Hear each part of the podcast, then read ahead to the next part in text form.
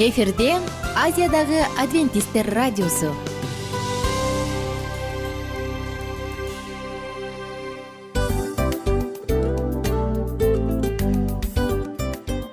Достор салют.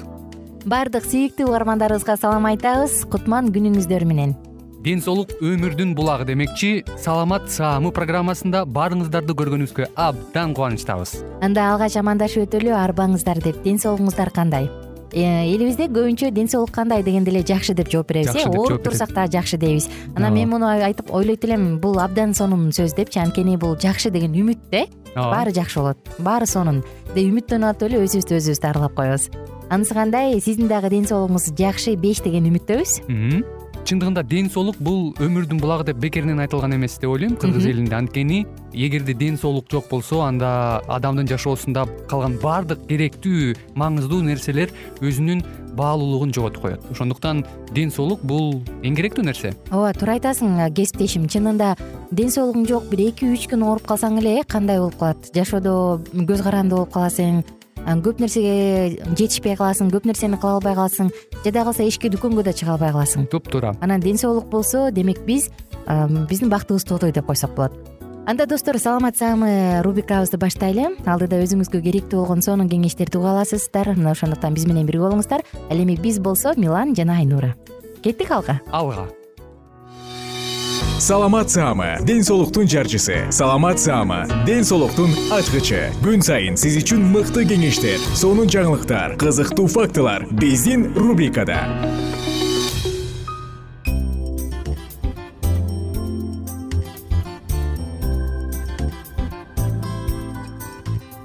Салют достор. Жалпы биздин угармандарыбызга салам айтабыз. Бүгүнкү тема колкого тамакка кам көрүү күндүн ысыгында бөлмөгө кире калып туруп кондиционер иштеп аткан же бөлмөгө болгондо дагы бир стакан муздак суу ичсең ах кандай гана жагымдуу. Бирок буга биздин денебиз сүйүнөбү? Келиңиздер достор. Бүгүнкү темабызда сиздер менен кененирээк колкого кекиртекке кантип туура кам көрүш керек тамакка кантип туура кам көрүш керек? Мына ушунун баардыгын айтып берели. Эсиңизде болсо мурунку уктуруубузда биз колконун кереметтүү түзүлүшү жөнүндө айтып бергенбиз. Бүгүн андан ары улантабыз тамакка кам көрүү. Мурун менен дем алыңыз. Мурун анатомиялык жактан муздак дем алганга ылайыкташылган. Мурун көңдөйүндөгү ийри буйру жолдордун жана былжыр челиндин жардамы менен мурун аркылуу кирген аба жылыйт нымдалат жана кир нерселерден тазаланат. Ал эми колко муздак абадан корколбойт ал абаны жылыта дагы тазалай да нымдай да албайт. Мына ошондуктан ооз аркылуу дем алуу колконун былжыр кабыгына терс таасир тийгизет. Аны кургатат жана дүүлүктүрөт кээде адамдар суу ичкенди унутуп коюшканда тамак кургап тилиң таңдайга жабышып калгансып шилекке жута албай каласың го. Көрсө мындай учурда ооз көңдөйүнүн жана тамактын кургашын алдын алыш үчүн жаныбызда дайыма жарым литр газдалбаган таза суу болушу шарт экен.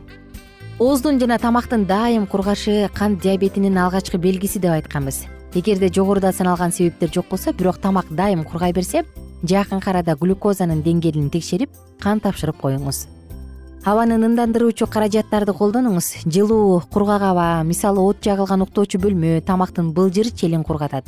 Нымдалган аба өзгөчө кышкысын тамактын дүүлүгүүсүн басат. Нымдандыруучу нерсе көпкө иштегенден кийин бир нече мүнөткө терезени ачып бөлмөнү желдетип алыңыз. Таза аба менен дем алыңыз. Булганган аба өзгөчө тамекинин жыты назик былжыр челин дүүлүктүрөт. Булганган абанын булагынан жана тамекинин жытынан алыс жашоо көптөгөн тамак ооруларын алдын алат ошондуктан достор биздин кийинки кеңешибиз чылым чекпеңиз. Тамеки чеккен адамдардын көп бөлүгү тамагы кургап шилекей түгөнүп калгансып жагымсыз сезимди баштан өткөрүшөт. Ал эмес жутканда дагы тамак ооруйт мунун себеби мында. Чылымдын түтүнүндөгү токсин заттар алгач ооз көңдөйүнө анан тамакка сиңет дагы бронха жана өпкөгө өтөт. Ошондон улам ооз жана тамак кургайт чылым ден соолукка жаман таасир тийгизгенин айтып турат эгер аны таштабаса кийин андан да жаман ооруга чалдыгып калат.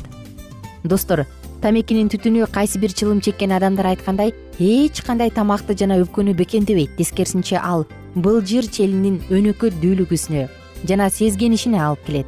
Натыйжада көптөгөн инфекциялар жана рак оорусу пайда болот. Рак тамакта колкудо жана тамак бездеринде пайда болушу мүмкүн баса белгилей кетчү нерсе рактын токсон пайызы чылым чегүү менен байланыштуу. Кийинки кеңеш бутуңузду жылуу кармаңыз. Үшүп калган бут тамак оорусуна алып келет. Адамдын бүт денеси тоңуп калганда суук тийип ооруйт. Мындай учурда иммундук системанын функциясы төмөндөйт дагы башка микроорганизмдер активдешет. Ошентип ар кандай жугуштуу ооруларга чалдыгуу оңойго турат. Ошондуктан тамак оорусун каалабасаңыз бутуңузду жылуу кармаңыз өзгөчө кышкысын көп учурда суук тийип калганда кондиционерди күнөөлөйбүз деги эле температуранын тез алмашышы ысыктан суукка өтүү дене үчүн стресстик жагдай болуп саналат. Адам мурун кийин чыңалуучу көнүгүүлөрдү же ыкмаларды жасабаган болсо мисалы контрасттык куюлуу менен алектенбеген болсо температуранын чукул алмашышы организмдин негизги функцияларынын бузулушуна алып келет. Демек бул кондиционерден шашылыш баш тартыңыз дегенди түшүндүрөт ошондой эле достор кайсы гана жерде болбоңуз алтын ортону кармаганга аракет кылыңыз. Өтө да ысык өтө да муздак болбой эле койгону жакшы. Анткени кондиционердин натыйжасында көптөгөн оорулар пайда болуп калышы мүмкүн. Аны туура эмес коюп коюшат монтаждашат туура эмес эксплуатациялашат. Мунун баардыгынан улам ар кандай оорулар келип чыгат. Керек болсо бөйрөктүн оорушуна чейин дагы бул да себеп болуп калышы ыктымал дешет. Кондиционерди кандай кылып туура коюш керек үйдө ал андан үйлөгөн жел үстүңкү потолок үстүңкү шыпка катар мындай кеткени жакшы. Ылдыйды көздөй үйлөбөй эле койгону жакшы. Анткени өйдө карай потолокко үйлөгөн аба акырындык менен жылыйт дагы ылдый көздөй түшөт. Мына ушундай ушундай ыкма менен сиз өзүңүздүн бөлмөңүздү туура жылыта аласыз. Эгерде достор сиз үйдөгү бөлмөнү жылытайын деп атсаңыз анда үйдүн бөлмөсүнөн эки үч градус жогорураак болуш керек. Эгер муздатууну кааласаңыз эки үч градус төмөнүрөөк болгону зарыл балдардын керебетинин жанына кондиционер коюу бул акылсыздык алардан алыс коюңуз. Эгерде эшиктеги бөлмө менен үйдөгү бөлмөнүн туура баланста кармашын кармайны кааласаңыз анда он градустан жыйырма градус аралыгында гана айырма болгону жакшы ошондой эле достор кондиционер иштеп жатканда анын температурасын акырындан акырын акырындан өтүп өзгөртүү жакшы. Эгерде эшикте отуз беш градус плюс белгисин көргөзүп турса үйдө дароо э, болгону гана он беш жыйырма градус плюс белгисин көргөзсө мындай чоң айырмачылык албетте сезгенүүгө суук тийүүгө алып келет. Ошондуктан үйдөгү бөлмөнү акырын акырындан муздатып анан ошол керектүү температурага алып барыңыз ошондой эле кондиционер жөнүндө айта турган болсок дайыма э, фильтрлерин тазалап жана аны алмаштырып тургонду унутпаңыз. Муздак суусундуктарды ичкенден абайлаңыз. Анткени муздак бул тамактын эң биринчи душманы. Катуу муздакта ысык ичпеңиз катуу ысыкта муздак ичпеңиз. Ошондой эле достор дагы бир нерсе бар. Эгерде сизде дем алып жатканда же жутуп жатканда оорутуучу ооруп жаткан симптомдор пайда болуп атса анда сөзсүз түрдө доктурга кайрылыңыз. Сиздин үнүңүз эки жума бою ооруп тамагыңыз киртилдеп атса анда сөзсүз түрдө доктурга кайрылыңыз. Анткени көпкө созулган кургак жөтөөл ар кандай оорулар дагы үндүн жоголуп келишине алып келет. Ошондуктан достор өзүңүздүн үнүңүздү өзүңүздүн тамагыңыздын саламаттыгын кам көргөндөн тартынбаңыз.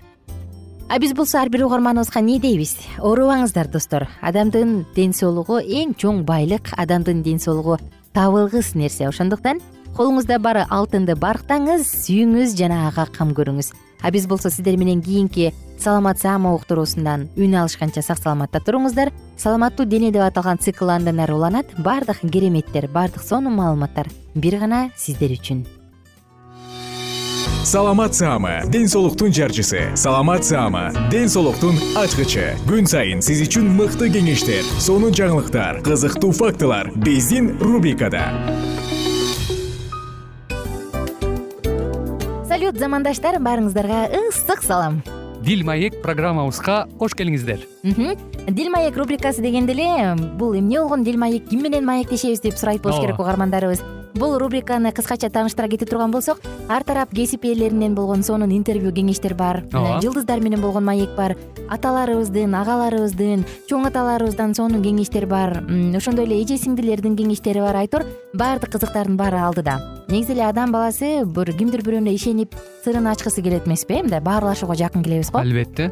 Негизи бир жерге отуруп алып кенен шашпай баягы жүрөктөн жүрөккө ачып сырларыбызды ар кандай көйгөйлөрүбүз менен бөлүшүп баягы чын жүрөктөн маек курганды кимибиз сүйбөйбүз э? Ооба десең ал нерсеге суусап да келебиз да. Ооба кээ бирде адамга чындыгында баягы э, ысык маек баягы жылуу маек жетишпейт да ошондуктан биз ушул рубриканы ойлоп тапканыбызда эң биринчи эле достор сиздер менен чын жүрөктөн бир маңыздуу темаларды козгоп кеткени э, кааладык. Ошондуктан ушундай сонун бир рубриканы тартуулап жатабыз. Анын үстүнө радио дагы сонун дос да анткени э, мындай учурда досуңа айтсаң досуң досуна айтат досу досуна айтат да анан бүт өлкө билип калышы мүмкүн го.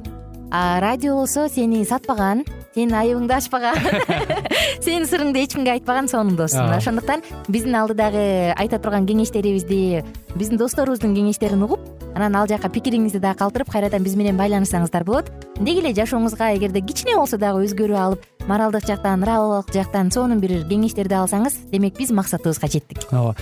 Чыңгыз атабыз улуу жазуучу э, чыңгыз айтматов айткандай адам болуу бул күнүмдүк процесс экен. Күн сайын адам бойдон калуу бул адамзатка эң эле кыйын дейт э? э эң кыйын дейт. Чындыгында бунун э, негизинде адамдын эң баягы сапаттуулугу адамдын адамгерчилиги жана көптөгөн керектүү нерселер мына ошол темалар дагы бизде ушул дил маекте биз аларды да козгойбуз. Ден соолук жөнүндө да сүйлөшөбүз. Сөзсүз түрдө. Анан милан мырза негизи айтып коюшат го. Биз көбүнчө эмнени ойлонсок ошол нерсеге карата иш кылабыз го. Ооба. Анан анысы кандай балким бул радио баракчада кимдир бирөөнүн оюн текшергенге жардам берет кимдир бирөөнүн жүрөгүн текшергенге жардам берет. Балким кимдир бирөөгө жашоонун маңызын тапканга жардам берер. Айтор кызыктын баары алдыда бул жөн гана кыскача жарнама анда угармандарыбыздын баардыгын кийинки рубрикабызга чакырабыз. Ал эми кызматта маңдайымда отурган кесиптешим милан жана мен айнура. Анда эмесе биз даярдаган терең терең ойлор менен таанышууга кеттик. Алыс алыс баралык анда эмесе достор биз менен бирге болуңуздар. Алдыда эң кызыктуу маалыматтардын баардыгы бир нече мүнөттөр бою жалгыз гана сизге арналат. Мына ошондуктан жакшы маанай менен угууну каалайбыз. Үн алышканча. Жөнөдүк. Ар түрдүү ардактуу кесип ээлеринен алтын сөздөр жүрөк ачышкан сыр чачышкан сонун маек дил маек рубрикасында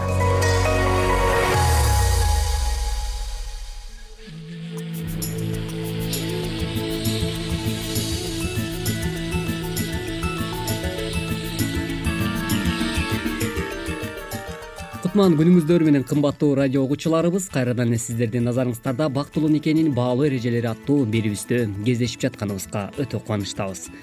Бүгүнкү программабыздын чыгарылышында биз сиздер менен дал ушол э, үй бүлөлүк жаатта маегибизди улантабыз.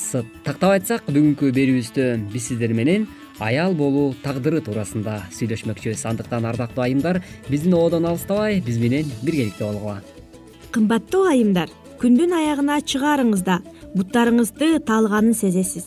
Күнүмдүк кир жууш үй жыйнаш сатып алып келе турган оор тамак аштар бунун баары сизге белгилүү. Эң эле өкүнүчтүүсү бул сиздин милдетиңиз катары эсептелинет. Биз өзүбүздү түгөнбөгөн түйшүккө батырып салабыз да аягында өзүбүздү аяп калмайбыз бар. Акырында өзүбүздөн мындай деп сурасаңыз туура келет. Мен эмне үчүн жашап жүрөм? Кир жууп үй жыйнаш үчүн элеби. Жашоонун кызыгы кайда деги кудай аял затын эмне үчүн жараткан? Баары мынчалык жаман эмес. Сиздерди тынчтандыргыбыз келет урматтуу айымдар. Чындыгында кудай аял затын аябай сүйүп жараткан. Сиз аял заты кудай тарабынан жаратылган шедеврсиз. Дүйнөдө сизге окшош эч ким жок. Сиз эң кооз бермет сыяктуусуз. Мындай берметтин баасы канча? Аялдарга дайыма жайлуулук жаратып туруу жөндөмдүүлүгү берилген. Алар гүлдөрдү жакшы көрүшөт үй бүлөсү үчүн даамдуу тамак жасаганга аракет кылышат. Ал эми аялдардын колу кандай жароокер? Андыктан жароокер аял заты сиздин катышууңуздан бул дүйнө коозураак жана жайлуураак болушу үчүн жашап жатасыз. Себеби сүйүүгө жана мээримге муктаж болгон эркек адамдар бар. Ал эми балдардын төрөлүшү. Ушул жоопкерчиликтүү тапшырманы сиз гана аткара аласыз балаңыз ыйлап жатса көптөгөн башка балдардын арасынан жаңылбастан анын үнүн тыңдайсыз жана аны көздөй жөнөйсүз. Бир гана сиздин кучагыңызда бала өзүн толук коопсуздукта экенин сезет. Албетте сиз эмне кылаарыңызды өзүңүз чечесиз. Балким сизге эч кимдин кереги жок. Жана сиз бир гана өзүңүз үчүн жашайсыз. Анда сиздин жашооңуз өз маанисин жоготот. Эгер сиз эч качан эч ким үчүн кам көрбөсөңүз демек сиз курулай өмүр сүрүп жүрөсүз бул сиздин ичиңизге салынган. Бирок сиз бул потенциалды ишке ашырган эмессиз. Сиз бул дүйнөдө өз тапшырмаңызды иш жүзүндө ашырган жоксуз. Ошондой эле эч ким эркекти анын акылдуу аялдын камкордугу жана жакшы сөзүн көтөргөндөй көтөрө албайт. Эркек өзүн сүйүктүү сезгенде көп нерсени кыла алат. Ийгиликсиз күндөн кийин жолдошуңузду кучактап койсоңуз. Ага баары анчалык деле жаман эмес экени сезилет. Сиздин кубаттаган сөздөрүңүз ага аракетинен жазбаганга күч берет. Сиз анын жардамчысысыз чындап эле ар бир аял зат э, өмүрлүк э, милдетин аткарууда сөзсүз түрдө ал э, баардык нерсени өзүнүн колуна алат эмеспи. Негизи эле күчтүү айымдар мына ушундай сапаттарга ээ болушат экен. Андыктан ардактуу айымдар сиздер ар дайым күчтүүсүздөр жана ошол эле учурда сиздерге күчтүү эрктүүлүк берилген десек дагы эч убакта жаңылбайт болушубуз керек. Негизи эле аял затынын кээ бир учурда ушунчалык күчтүү экендигине там берген дагы учурлар болот эмеспи андыктан э, атак даңктуу сулайман аттуу падыша дагы э, өзүнүн доорунда айылдарга карата э, мүнөздөмө берип өткөн экен да. Мисалы эр азамат жигит жакшы жубай таба турган болсо анын баасы асыл берметтерден дагы жогору деген экен. Андыктан демек ардактуу айымдар сиздер ушунчалык асыл бермет баалуу таштарга дагы ушунчалык андан дагы силердин бааңар жогору экендигин эч убакта никелик жашоодо унутпашыңыздар абдан зарыл экен. Демек сиздердин э, никелик жашоодогу аял затынын кадыр баркы ушунчалык өтө бийик экендигин эсиңиздерге дагы салып койгубуз келет. Ушундай көп нерселерди кылат экен аял зат негизинен эле. Анан кеч киргенде чын эле чарчап калат да. Андыктан э, мырзалар дагы бул э, кичинекей нерсе кылса дагы ушуга рахмат деп дайыма көңүл бөлүп көңүлүн көтөрсө дагы бул аябай аялга шык дем күч берет аял болобу эркек болобу дайыма ушул ар бир адам. Буга чейин да биз э, бир нече программабызда айтып өткөнбүз. Негизинен эле баягы жакшы сөз жан эргитет деген дагы кыргыз элибизде жакшы таамай айтылган макал бар эмеспи андыктан бири бирибизге жакшы сөз арнап турууга эмне жетсин демек бул жакта дагы ар дайым бири бирибизге шыктандыруучу жакшы сөздөрүбүздү арнай турган болсок анда э, бул жашоодо өмүр сүрүп жатканда дагы ар бир эле инсанга бул стимул болуп бере алат экен ошо менен биргеликте эле урматтуу угармандарыбыз биз болсо сапарыбызды уланта бермекчибиз. Ал эми алдыда болсо дал ушул айымдарга карата берилген дагы бир кеңештердин бири төмөндөгүчө экен мисалы аялдык назиктикти э, үйрөнүү туурасында. Э, ушул нерсе туурасында дагы айтып кетпесек болбос. Андыктан э, бул туурасында дагы маалыматка ардактуу айымдар кулагыңыздарды төшөп назар салып өтүңүздөр. Эмне үчүн кээ бир аялдарга эркектер гүлдөрдү белектерге беришет комплименттерди айтышат алдында эшикти ачып беришет. Ал эми башка аялдар рахмат деген сөздү да уга алышпайт. Аларга жолдошу жардам бергенге да аракет кылбайт. Бул акылга сыйбайт. Бир нерсени ойлоп табуунун кажети жок. Кудай ар бир аялдын ичине назиктикти салган. Болгону ичке салынган аялдык сапаттарды колдонуп аларды өөрчүтүү керек. Сырткы келбет жөнүндө айта турган болсок сулуулук салонуна барып чачын тырмактарын калыбына келтирип кооз көйнөк жана туфли сатып алса эле ал өзүн чыныгы аял сезип калат. Көрктү басып өзүнө болгон ишенимин көздөрүнө жарык пайда болот. Ошентип баарынын көңүлүн өзүнө бура баштайт. Сиз тараптан кичине аракет гана талап кылынат. Өзүңүздөгү аялдык назиктикти аткаруунун адатка айландырыңыз. Алгач аялдык назиктиктин белгилерин шарттуу түрдө экиге бөлүп алалы. Булар ички жана сырткы. Аялдык назиктик ички бул руханий сапаттар же мүнөзүңүз. Ошол эле учурда биз аялдык назиктикти эркектердин көз карашы менен баалап көрөбүз. Башкача айтканда эркектердин көңүлүн эмне бурарын үйрөнөбүз. Эркектердин көз карашын түшүндүрүү мүмкүн болбосо да аракет кылып көрөбүз. Аялдык назиктиктин сырткы белгилери. Бул албетте анын сырткы келбети тыкандыгы өзүн караганы жүрүм туруму кийинген кийими сүйлөгөнү сүйлөп жатканда кыймылдарын мимикасы жана башка ушул сыяктуулар. Демек ички сапаттар сырткы келбеттен көрүнүп турат. Бүгүнкү уктурууда айтылган баардык кеңештер сиздердин жашооңуздарда өзүнүн э, кирешелүү жемишин бере берсин деген тилек менен бүгүнкү программабыздын көшөгөсүн жапмакчыбыз. Кайрадан эле дал ушул ободон үн алышканча сак саламатта болуңуз ар түрдүү ардактуу кесип ээлеринен алтын сөздөр жүрөк ачышкан сыр чачышкан сонун маек бил маек рубрикасында.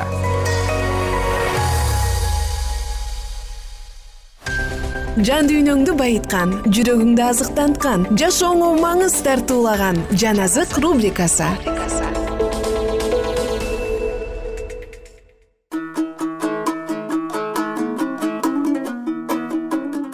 салют достор салют угармандар. Жалпыңыздар менен кайрадан амандашып жан азык рубрикасы старт алды биз менен бирге болуңуздар. Улуу күрөш китебин бирге улантабыз. Куткарылган адамдардын оозунан даңктуу ырлары чыгып турду. Жана ал мукандуу ыр түгөл асман бийиктигине жаңырат. Тактыда отурган биздин кудайдын жана козунун жанында куткарылуу даяр турат. Куткарылгандардын кубулжуган ырына периштелердин ырдаган үндөрү кошулат качан куткарылган адамдар шайтандын каарын жана анын күчүн көрүшкөндө аларды жеңишке жеткирген бир гана машаяктын күчү экендигин билишет. Ушул өтө көп куткарылган адамдардын арасынан куткарылуу өз адилеттиги менен алынган деп айта турган бир дагы адам табылбайт. Алар эмне кылып жана эмнелерди баштарынан өткөргөндүгү жөнүндө бир дагы сөз айтылбайт жана ар бир даңктуу ырларынын мааниси биздин кудайдын жана козунун жанында куткарылуу турат деген сөздөр менен коштолот. Кудай уулун өздөрүнүн башкаруучусу экендигин жердегилер жана асмандагылар дагы билишти.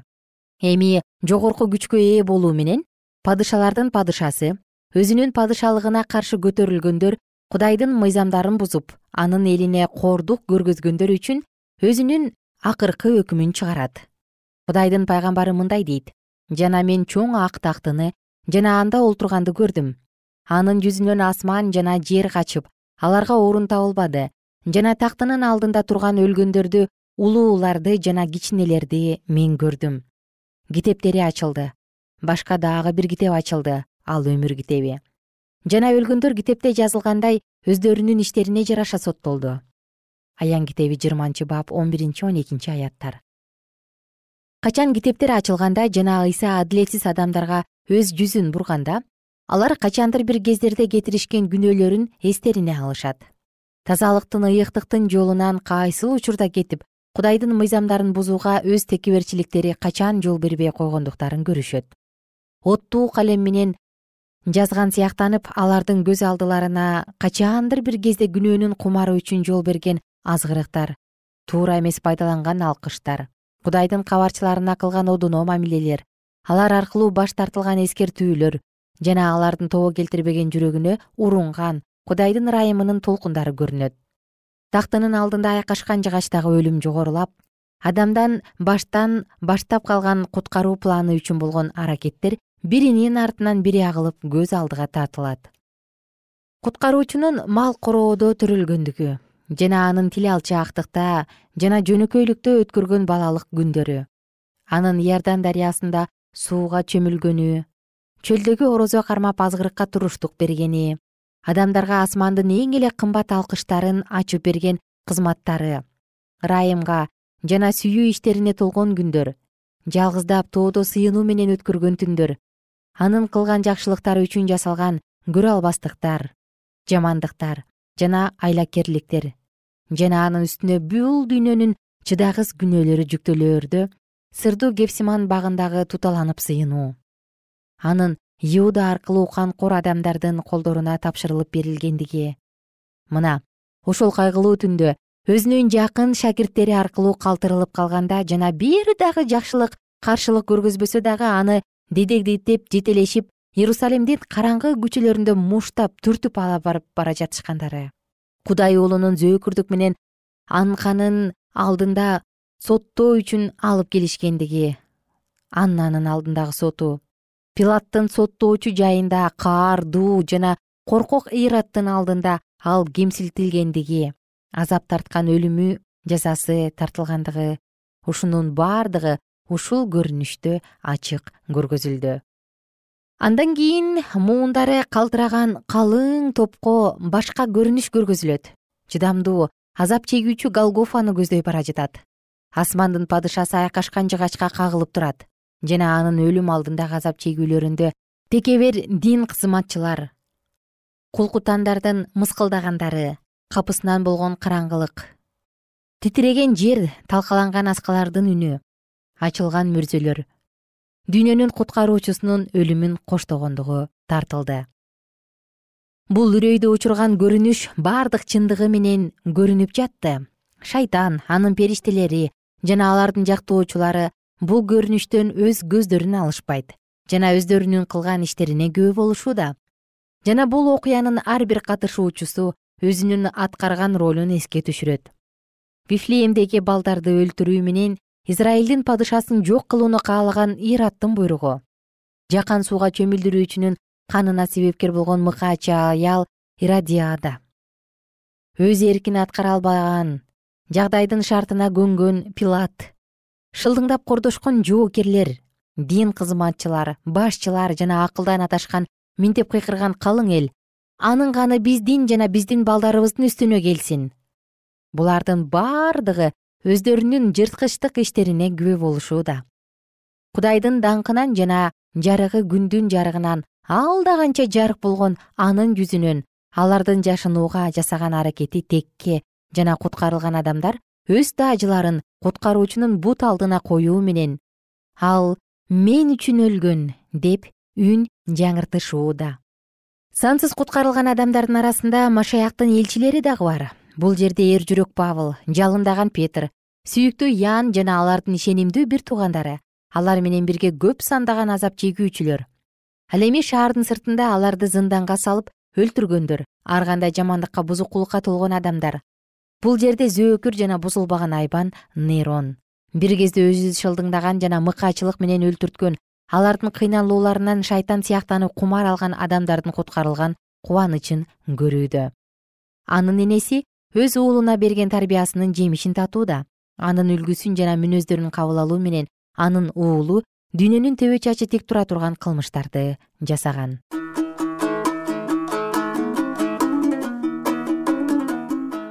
Достор мына ушул жерден биз кызыктуу окуябызды убактылуу гана токтотобуз. Кийинки уктурууда дагы сиздерди күтөбүз баардыгыңыздарды дал ушул жыштыктан ушул учурда күтүп алабыз эмесе достор ар бириңиздердин жашооңуздарга кааларыбыз. Кайсы гана учул борбосун жараткан сиздин кылган ишиңизди дайыма канагаттандыргандай болсо экен дайыма кубаттагандай болсо экен. А мен болсо сиздер менен убактылуу коштошом жана жараткан кудайыбыздын ак батасын каалайм. Бар болуңуздар күнүңүздөр көңүлдүү улансын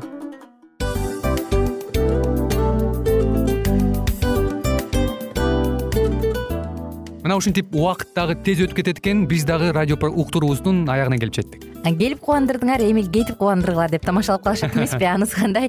Радио баракчабызды программабызды азыр эле баштап аткандай болдук элек. Мына соңуна келдик э? Негизи убакыт э, билинбей өтүп кетет экен? Мен дагы э, убакыт дегенде бүгүн бир адам менен сүйлөшүп калдым. Анан убакыт бул мүмкүнчүлүк деп айтып өзүмө өзүм айтып алып анан мага өзүм эле кайра ачылыш болду да чын эле Э, карап отурсаң ошол эле жыйырма төрт саат ошол эле жарым саат кайталанып атат. Бирок сендеги мүмкүнчүлүк жок ошол кой берилип кетти? Анысы кандай? Бүгүнкү сонун убактыңызды алтындай болгон жарым саатыңызды бизге бөлүп арнаганыңыз үчүн ыраазычылык айтабыз анан жашооңуздун кайсы бир сферасын өзгөртө турган сонун пайдалуу кеңеш алган болсоңуз анда биз максатыбызга жеттик. Анан ушул нерсени кылбасам десеңиз ошол өзгөрүүлөрдү кичинекей кадамдардан баштап иш жүзүнө ашырыңыз дагы жашооңузда чоң чоң ийгиликтерге жетиңиздер. Чын жүрөктөн ар бир берилген кеңештер сөздөр сиздерге пайдасын алып келет деп ишенебиз жана кийинки уктурууларда сөзсүз түрдө чыдамсыздык менен сиздерди күтөбүз сагынычтуу салам айтып кайрадан дал ушул жыштыктан баардыгыңыздарды тосуп алганча. Кызматта мен айнура жана кесиптешим милан. Анда кол каалайбыз жалпыңыздарга. Ийгиликтүү күн. Саламатта калыңыздар.